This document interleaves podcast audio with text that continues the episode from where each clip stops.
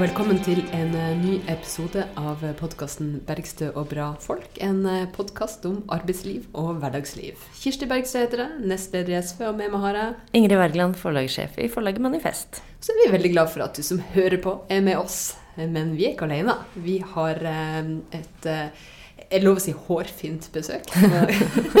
kan man si det? Vi har med oss eh, frisør Janne Ottersen Frås, som har vært tillitsvalgt i en årrekke for frisørene i, i Fagforbundet. Og som nå er rådgiver og jobber tett opp mot tillitsvalgte blant frisørene. Velkommen til deg, Janne. Tusen takk. Veldig hyggelig at du vil komme til oss. Du, kan ikke du først si litt om hvem du er? Hvem jeg er? Ja, jeg er eh, Jeg har jobbet som frisør i mange år. Eh, jeg har så da vært tillitsvalgt. Jeg er fra Oslo, bor i Oslo. 54 år. Opptatt av at frisørene skal ha det bra på jobben. Og at vi skal ha en jobb vi kan leve av og med, og ikke bli syke av. Hmm. Det er vi veldig glad for at du er opptatt av og har jobba veldig lenge med. Men uh, hvilke utfordringer er det som er eh, innenfor den bransjen spesielt? Ja, vi kan vel kanskje si at utfordringene står i kø. Vi har en kort yrkeskarriere, og det viser jo uh, Det er jo mange årsaker til det. Ja, Så folk er ikke frisører så lenge? Nei, altså vi har jo ikke noen sånne helt konkrete tall, men vi var akkurat på nordisk, og det er det samme i alle landene. Det er rundt ti år. Nordisk, hvor vi har møtes annethvert år, og vi har styremøter innimellom og snakker om utfordringene, og de er I, i Norden, da? Ja, ja. de er eh, oppsiktsvekkende like mm. alle steder. Og da var det noen tall som viste åtte år, men om det er ti år eller tolv år, og noen sier det har økt litt Uansett så er det et yrke du er i kort tid. Du kan nesten kalle det et ungdomsyrke hvis du ikke blir eh, arbeidsgiver og jobber litt innimellom. Og det er jo belastende for kroppen, i tillegg til at du har et produksjonslønnssystemet som gjør at eh, man jobber veldig intenst i perioder. Da kanskje slurver litt med HMS. Og i tillegg de enormt lange åpningstidene som har kommet. Så det er svært ugunstig arbeidstid. Mm. Men for, Fortell om det provisjonssystemet. Hva er det for noe? Ja, altså, Hvis vi har tariffavtale, da, så har du en garantert minstelønn. Men mange har jo ikke tariffavtale, og mange har jo ren provisjon. Sånn rundt 30% av hva du omsetter. Eh, og det kan jo være alt fra null til mye. Og er det ingen kunder i salongen, så tjener du ingen penger. Så det blir jo på en måte snudd at frisørene venter på kundene, og ikke omvendt. Og da må du jo, hvis du skal ha en noenlunde anstendig lønn, så må du jo være tilgjengelig når kundene er der. Eh, og det har jo blitt en spesiell stor utfordring de senere årene med shoppingsenter, og man har oppe omtrent døgnet rundt, og mm. også søndager, kanskje.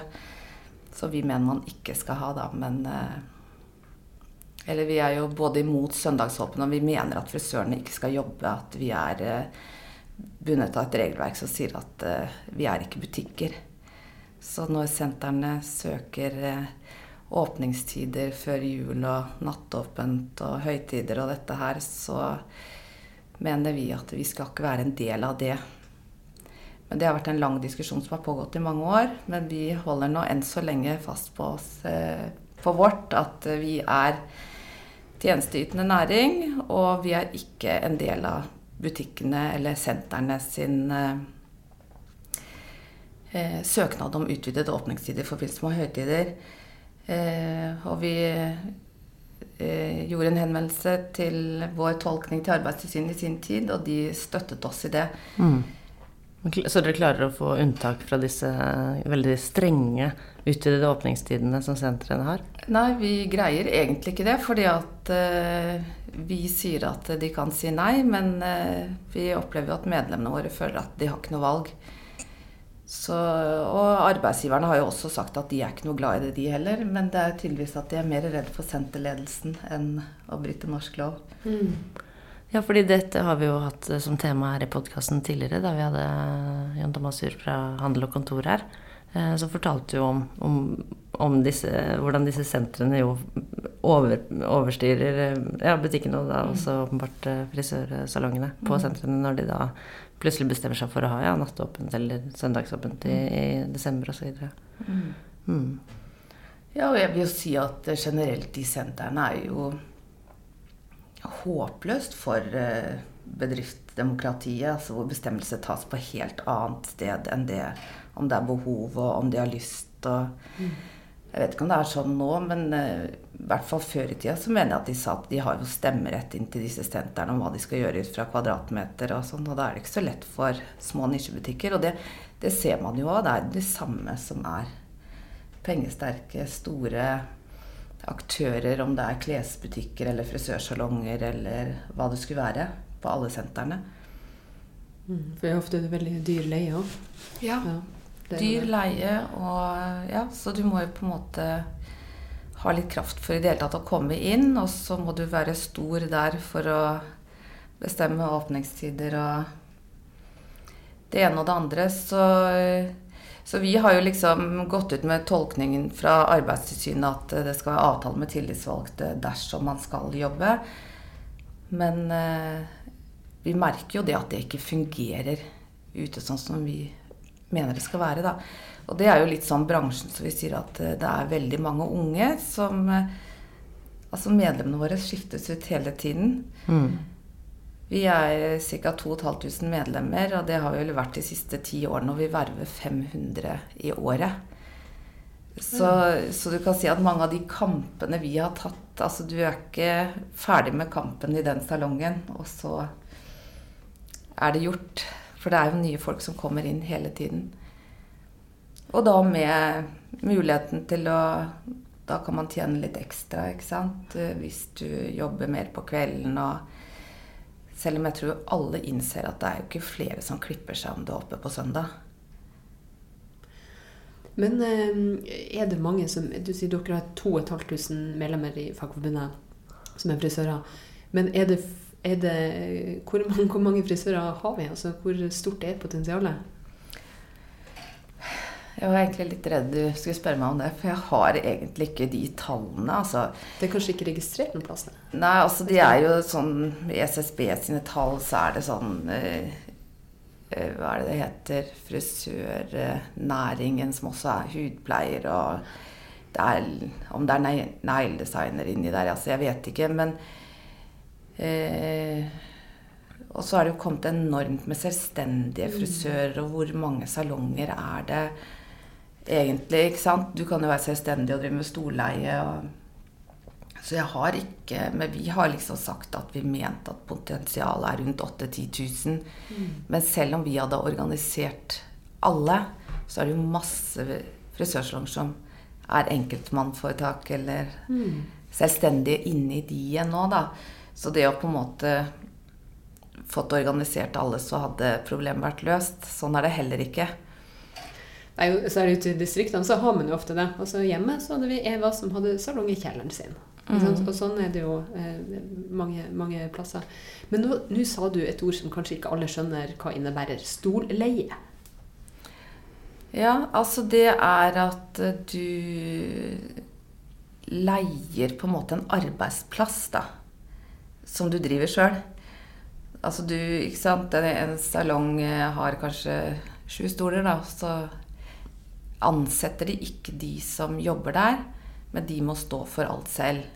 Så de blir selvstendig næringsdrivende. Selv om man på en måte opplever at eh, det er en normal arbeidsplass eller vanlig med ansatte og arbeidsgiver. Da. De er sine egne arbeidsgivere.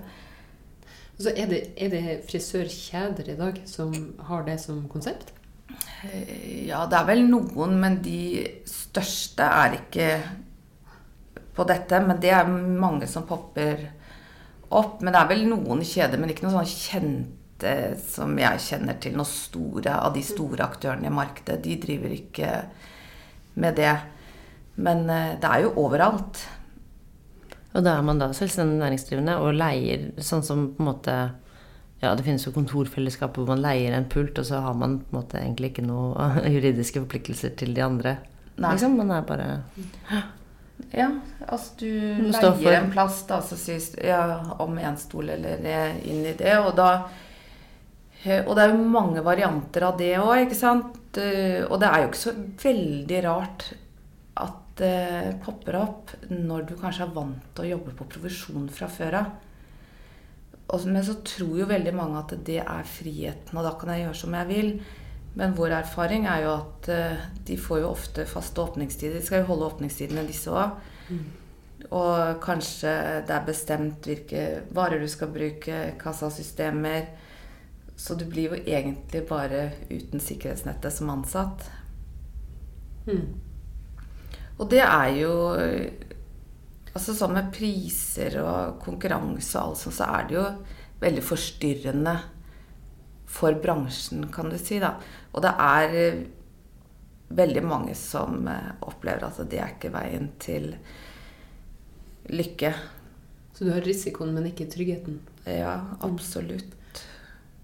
Er det en utfordring som dere jobber med? forhold til, eh, Ja, vi gjør det, og det er vi opplever jo at det er kanskje noe av det vi er mest enige med arbeidsgiverne våre med, at det er ikke noe utvikling som vi støtter. Og også i forhold til altså Frisørfaget er jo et stort lærefag, og de på en måte de vanlige mekanismene om samarbeid og ta inn lærlinger og drive i et fellesskap, det forsvinner jo fort. Men vi mener jo at eh, man kanskje ber om det ved å ha det så eh, individbasert, hele inntjeningen din fra før av. Og det er jo, blir jo konflikter på alle områder. Altså frisørene fra de begynner, så blir jo de opplært til å knytte kundene til seg. Og man snakker om mine og dine kunder, og du, man blir målt og får personlige budsjetter. og hvis Ingrid er den som har tatt de mest, så vet alle det. ikke sant? Ofte lister på bakrommet og alt dette her. ikke sant? Og eh, Altså, jeg, jeg har jo opplevd Jeg opplever jo at, at frisørene er glad i kollegaene sine. Det er egentlig rart at man klarer å være så glad i hverandre, fordi at man står jo egentlig og konkurrerer. I tillegg så er det jo det som blir det negative hvis vi tre hadde jobbet sammen. Og da du var ny, da, så har jo ikke jeg noe eh, Det er ikke noe viktig for meg om du fungerer. For min lønn er jo bare avhengig av at du ikke skal fungere godt nok kanskje og tar noen av mine kunder.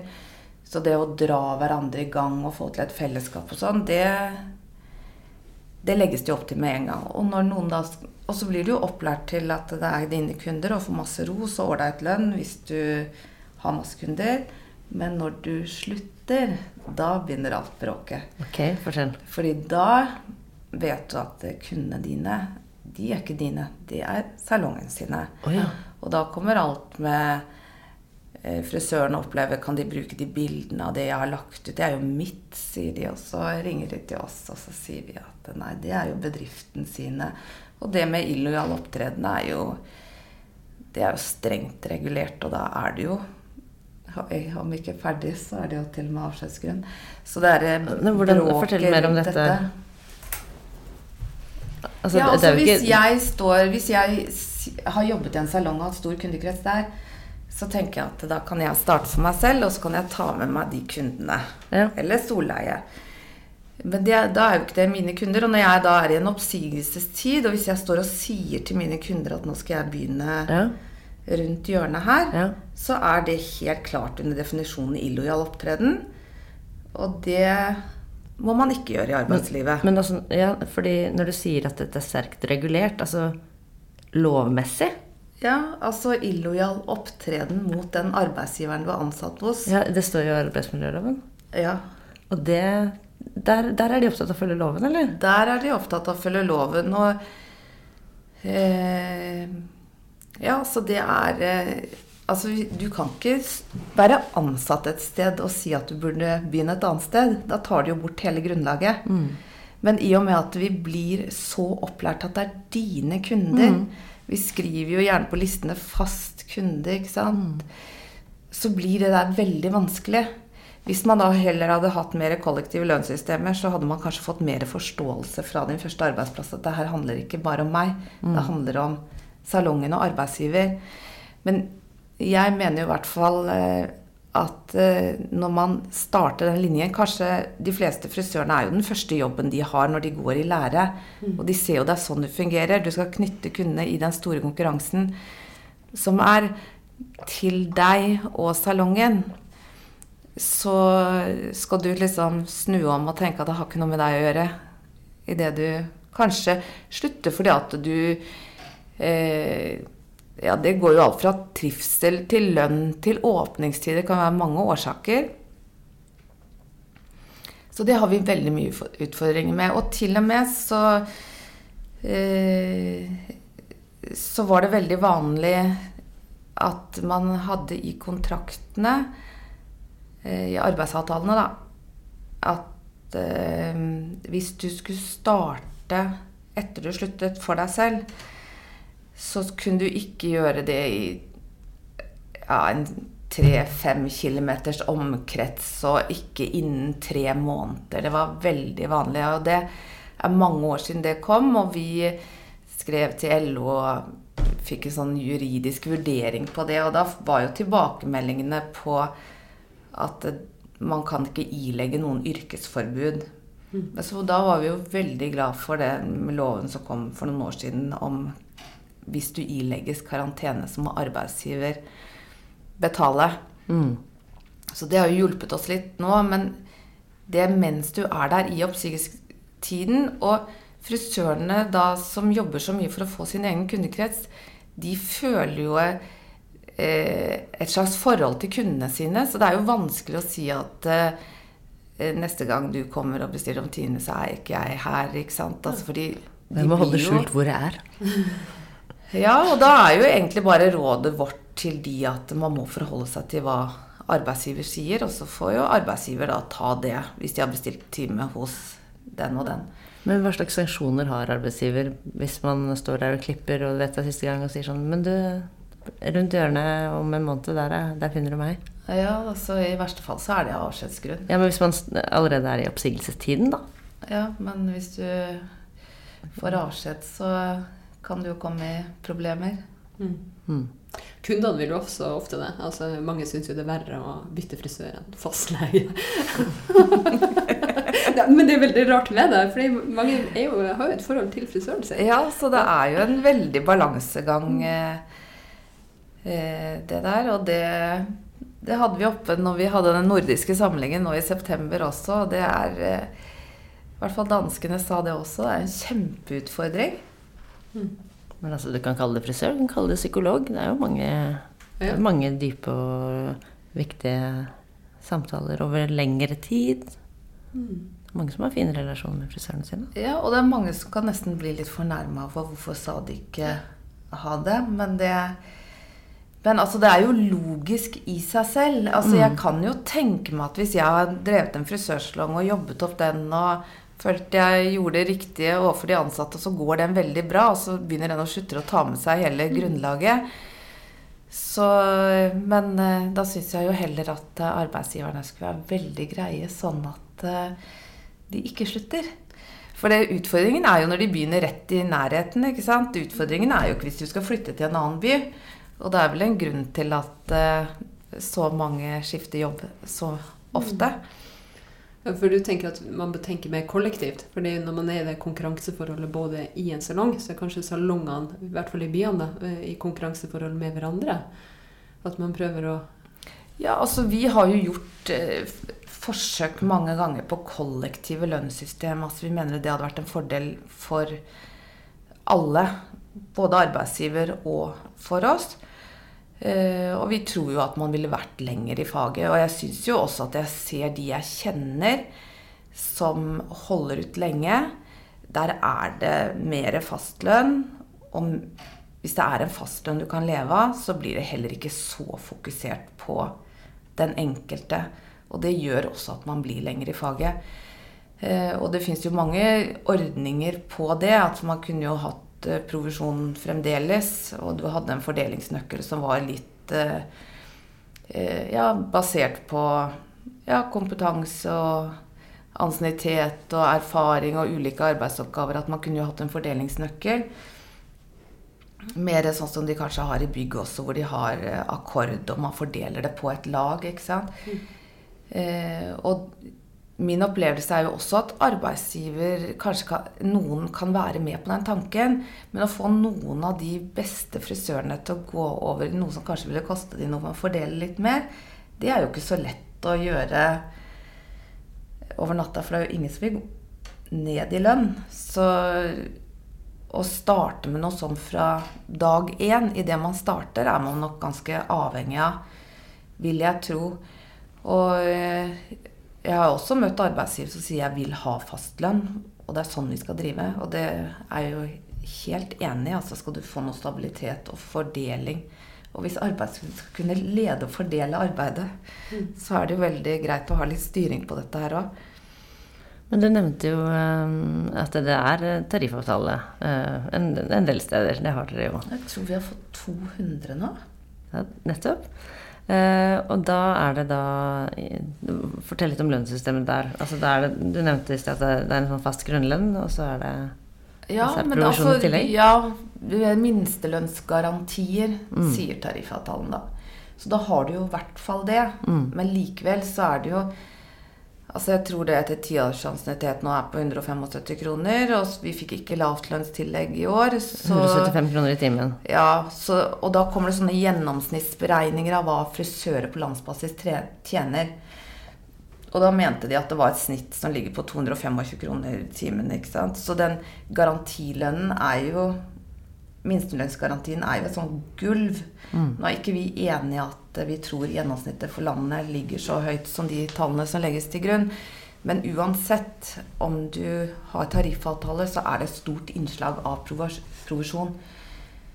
Så, men det er klart at det er jo viktig for mange, for vi får jo stadig henvendelser fra folk som jobber i dyre salonger med dyre priser, som har elendig timelønn. Og det er fordi at det er altfor mye dødtid.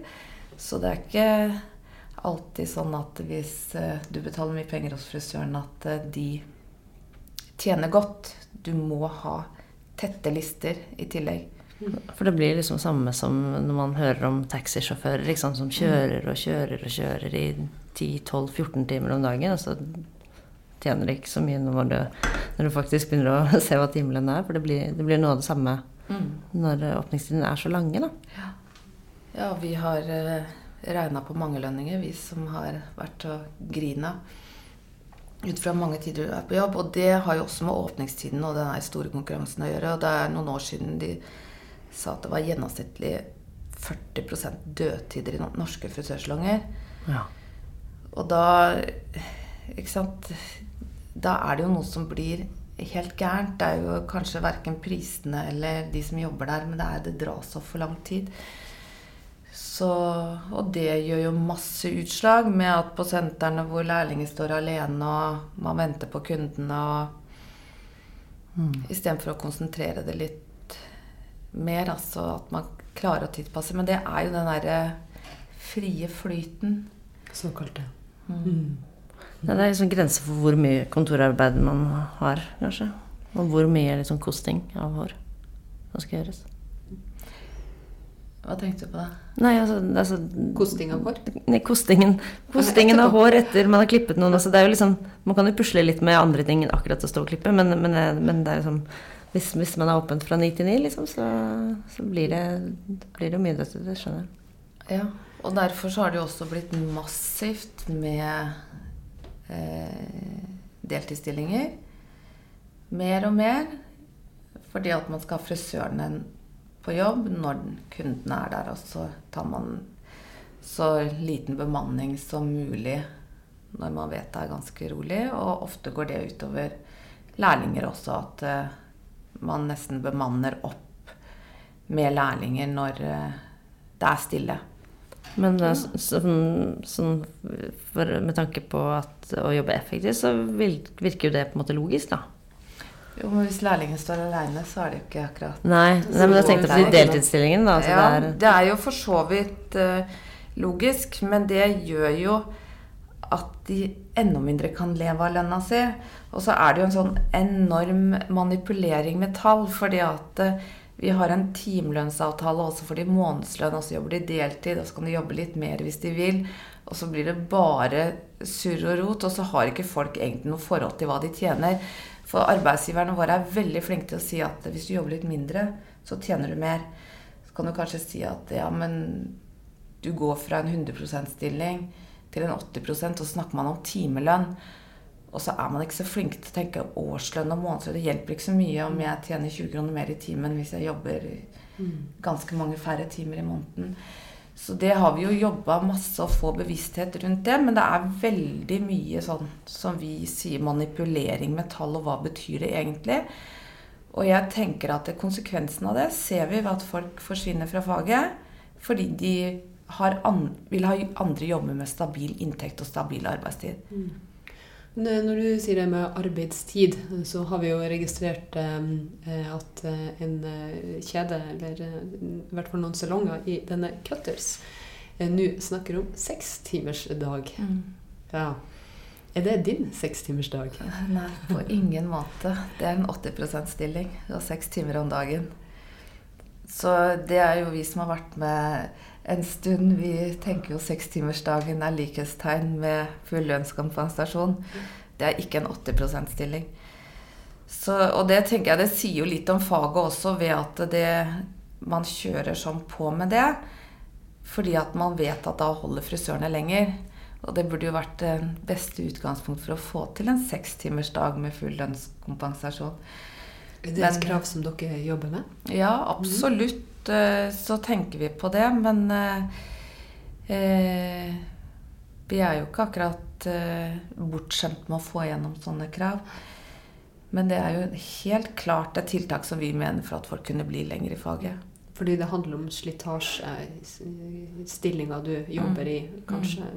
I hvert fall tidligere. Jeg vet ikke om det har blitt bedre i forhold til bruk av kjemikalier og, og den type ting. At mange får eksem og utslett. og Rygg, ryggproblemer, skulderutfordringer. At er det en av grunnene, i tillegg til selvfølgelig åpningstida som er krevende å kombinere med familieforhold og et annet liv, eh, at det er en del av grunnen til at man blir så kort i, tidlig i yrket sitt. Mm. Ja, det er jo altså Jeg syns det siste jeg så, at 42 eh, av alle frisører har eh, sånne typiske nakke-skulderprat mm. pga. den stillingen du står i når du klipper. Og da sier du at variasjon er det viktigste. Eh, at du gjør forskjellige ting. Vi har jo jobbet masse med kjemikalier og hanskebruk og eh, Men da stress og den intensiteten, og da er det veldig viktig at du gjør andre ting mm. eh, innimellom. Det har jo kanskje jeg vet ikke mine tall før og nå, men altså at man er mye mer bevisst med hansker. Vi har jo fått til en Jeg vil jo si at man er mer bevisst i dag med hva vi faktisk jobber med. Men uh, vi har en lang vei å gå. Mm. Men bare det med hanskebruk har jo blitt mye bedre. Så er det jo mange utfordringer med det òg. I sommer så var det en, det er en Facebook-gruppe som heter Kun for frisører i Norge, som har eh, 13 000 medlemmer, tror jeg. Og da var det en sånn post som kom hvor man skulle tenke miljøvennlig og plastavfall, så de brukte engangshanskene mange ganger. Så vi har jo innimellom eh, dette her òg. Men det har jo gått fra når jeg begynte på 80-tallet, så brukte vi jo bare hansker for at vi ikke skulle ha farve på hendene, ja. til å skjønne at det beskytter for helt andre ting. Så jeg tror de har blitt mye bedre. Eh, og rett bruk av hansker og at man må ta vare på seg selv, og arbeidsstillinger og sånn. Og vi har lov om bedriftshelsetjeneste har kommet på plass. Men alt dette her henger mye sammen med lønnssystemet, mm. tenker vi da. For det er veldig vanskelig å gjøre alle de riktige tingene samtidig som du konkurrerer med deg sjøl på tid og får gjort mest mulig for kortest mulig tid. Du blir press på HMS? Ja, det gjør det. Eh, så, men altså, vi har jo fått Det er jo kommet lovpålag om punktavsug og bedriftshelsetjenester. Punktavsug. Hva er det for noe? Vet dere ikke hva farver dere ikke håret? Nei. Faktisk ikke. Det er disse her, uh, het, som er sånn suger opp de farlige kjemikaliene når du farver og bleker og som gjør som kjemiske behandlinger. Da. man har på hodet. Som står over stolen når frisørene jobber. Oh, ja. Både når du blander produktene, så har du det i sånne skap for å få avsug mot det som det damper opp, og det over frisørene når de farver eller gjør store behandlinger. Da. Men, men jeg bare tenker, man kan jo sende folk til månen. Klarer man virkelig ikke å lage noe liksom, hårfarge som ikke er giftig? Alt du tar på kroppen din er giftig, Ingrid. Ja, altså, tenk på eh, Man vet jo stoffer som er Man vet at det er hormonforstyrrende, kreftfremkallende og det ene med det andre, men det tillates i små mengder som man mener mennesket tåler. Men problemet for oss er at eh, det som lages da på europeisk eh, eh, kravliste, det er jo et forbrukerdirektiv, og ikke for frisører som da kanskje farver håret på andre fire ganger om dagen. Det er beregninger som vi har vært syns er en stor utfordring, som går på kundene. Men derfor så har man jo altså Man burde jo absolutt finne stoffer som ikke var så problematiske. Og det finnes noe, men hver gang det kommer noen erstatninger og det man kaller litt grønnere og alt dette her, så vet man at det er bedre enn det. Men når du på en måte masseproduserer en del stoffer som man mener er bedre, så vet man jo ikke alltid konsekvensen av det over lengre tid. Men vi vet jo i hvert fall noen verstingstoffer som man bør holde seg unna, som de som eh, tenker i de baner holder seg unna. Men eh, var det jeg skulle si at jeg har jo hørt at det er klart de finner ut det, men det koster penger. Og kosmetikkindustrien er en enorm industri og masse lobbing. Så det er ikke noe quick fix å få bort eh, de problematiske stoffene. Eh, og så har det vel vært en veldig bevisstgjøring rundt dette med hansker. Men vi har ennå så topper frisørene statistikken på oppbrukte sykepengerettigheter. Eh, og vi ligger også høyt på sånne luftveislidelser og allergier. Så er det jo også at eh, i dag så bruker man jo kosmetikk mye tidligere. Eller tilsetningsstoffer og lukter i alt fra barna er ganske små. Så det, man snakker jo mye om den der eksponeringen som starter veldig tidlig. Og det også på hårfarge så står det jo helt klart at det er ikke beregnet for bruk for barn under 16 år. Og det er jo også en sånn ting som eh, eh, Barna får jo lov til å begynne med eh, både å farge hår og kosmetikk og deodorant og kremer og alt dette her vi gjør mye, mye før enn når jeg var ung, i hvert fall. Ikke sånn? Hormonhelmer og alt mulig som vi ikke vet konsekvensene av. Men du, Janne, du sa at dere har eh, rundt 200 tariffavtaler. Hvordan, eh, vi har jo sett at det har vært mange konflikter eh, over lang tid nå i forhold til det å, å få tariffavtaler. Hvordan er det i deres, deres bransje? Ja, det er jo ikke så veldig lett. Altså, bare det å få en tariffavtale på plass er jo også en sånn opplæring vi må gi til nesten alle som melder seg inn hos oss. Fordi at det er jo ofte unge folk som har veldig lite forhold til hva dette her er for noe. Mange tenker at de melder meg inn i en fagforening, så gjelder tariffavtalen. Eh, og gjerne at eh, helst sjefen ikke skal vite at de har meldt seg inn. Det er jo kanskje det som er litt bedring i de litt større kjedene. Fordi da er de kanskje med i NHO eller som cutters nå i Virke. Eh, og hvis vi De som er store, er jo litt mer kjent med det. Eh, enten om de er for eller imot. Eh, men det er en sånn utpreget holdning at man følger tariffavtalen. Derfor så trenger jeg Altså folk tror det. Ja, og de, de får høre det. Oh, ja. Og det er jo til og med sånn at de ringer oss og sier at eh, jeg trenger ikke være organisert fordi arbeidsgiveren min er det. Så det er jo en lang vei å gå, men det, det starter jo gjerne med at noen melder seg inn, og vi må si at vi må få tariffavtalen på plass for å få den kraften vi trenger. ikke sant? Så går det noen steder har vi fått uh, systemet på at arbeidsgiver etter hvert aksepterer det fordi de er store. Men vi har jo ennå altså arbeidsgivere som skriver at de ansatte ikke ønsker tariffavtale, og mange medlemmer som sier når det kommer til stykket at de ønsker ikke tariffavtale. Og det er jo kanskje ganske ufattelig for oss som er opptatt av det at man vil være medlem, men man vil ikke ha tariffavtale. Men, var... men, da sender jo vi da krav hvis det er NHO, og hvis det ikke er eh, NHO, så må vi jo mobilisere de til direkteavtaler. Og da kan jo godt vi snakke med de og si at uh, vi kan hjelpe dere med å få den på plass, men at de da må være forberedt på at uh, hvis kravet blir avslått, at uh, streik er det virkemidlet vi har da. Så, og den er det jo ikke så mange som er glad i. Mm. Eh, og det tar jo lang tid i det systemet vi er i. Da, så vi har ennå ikke opplevd Det var vel tilløp én gang til at noen skulle streike for å få tariffavtale på plass, og da fikk vi den på plass. Og jeg mener den gangen at, eh, at vi mobiliserte litt senterledelsen, og de ville ikke ha noe streik på det senteret, så de hjalp oss litt med å få den på plass. Men det er å kreve det og stå fast og ikke være ned i lommeboka på sjefen og høre på de regnestykkene hvor dyrt det er.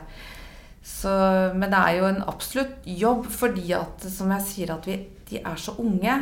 Så det er ikke noe sånn at når vi har fått den tariffavtalen på plass, så, så fungerer tillitsvalgtsystemet. Mm. Det er liksom sånn nyrekruttering hele tiden. Men vi ser jo også at de beste salongene vi har, og de beste eksemplene, det er jo tariffavtalen på plass. Og det er tillitsvalgte som fungerer. Det er jo mye gjort, og det er folk der lenger òg. Mm. Så det blir jo en langt bedre stabilitet. Og så Men du, så kan du jo si på en annen side at noen ganger når vi omtrent har banka tariffavtalen på plass, så er det jo ikke akkurat likhetstegn med et supergodt arbeidsmiljø heller. Men det er jo den eneste veien til å få ryddet opp i ting. Men vi har en utfordring med at uh, mange Det er veldig mange som vet om oss og tenker at de kontakter oss når de har problemer. Men når man da ikke har tariffavtale og det oppbygde systemet nedover, så er det ikke Det er ikke sånn at hvis man er medlem, så kan jeg komme og si at det, mm. det er feil. Nå må du være snill. Fins det noen oversikt over salonger med tariffavtale? Altså Fellesforbundet legger ut oversikt over hoteller med tariffavtale, så vet man at man kan velge dem.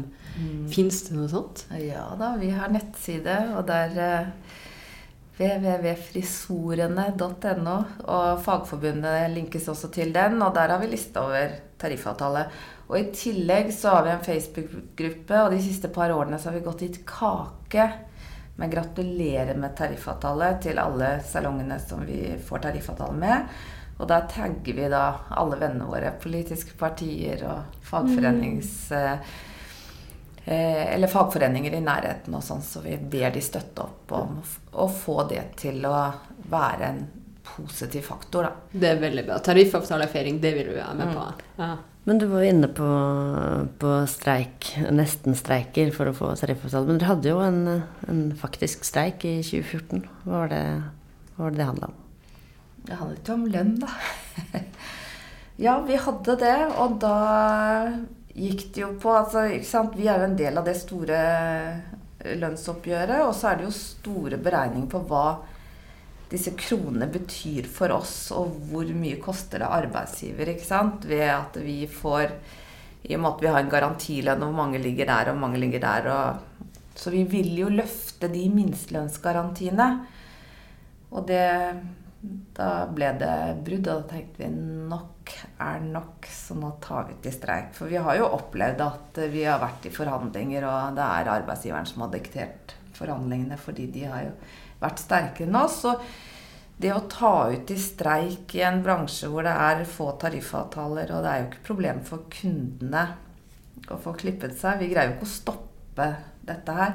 Og så kan man jo gå en uke eller tre over. Det, noen av oss i hvert fall. Ja, det kan jo Det er frisøren. Ja. det kan jo absolutt kundene, men uh, vi vil jo ramme arbeidsgiver. At det ikke mm. kommer noen penger inn der, og at det ikke bare skal gå til noen andre. Så da følte vi at vi hadde liksom bra strategi der, da, for da tok vi ut noen som vi visste at uh, der stopper det.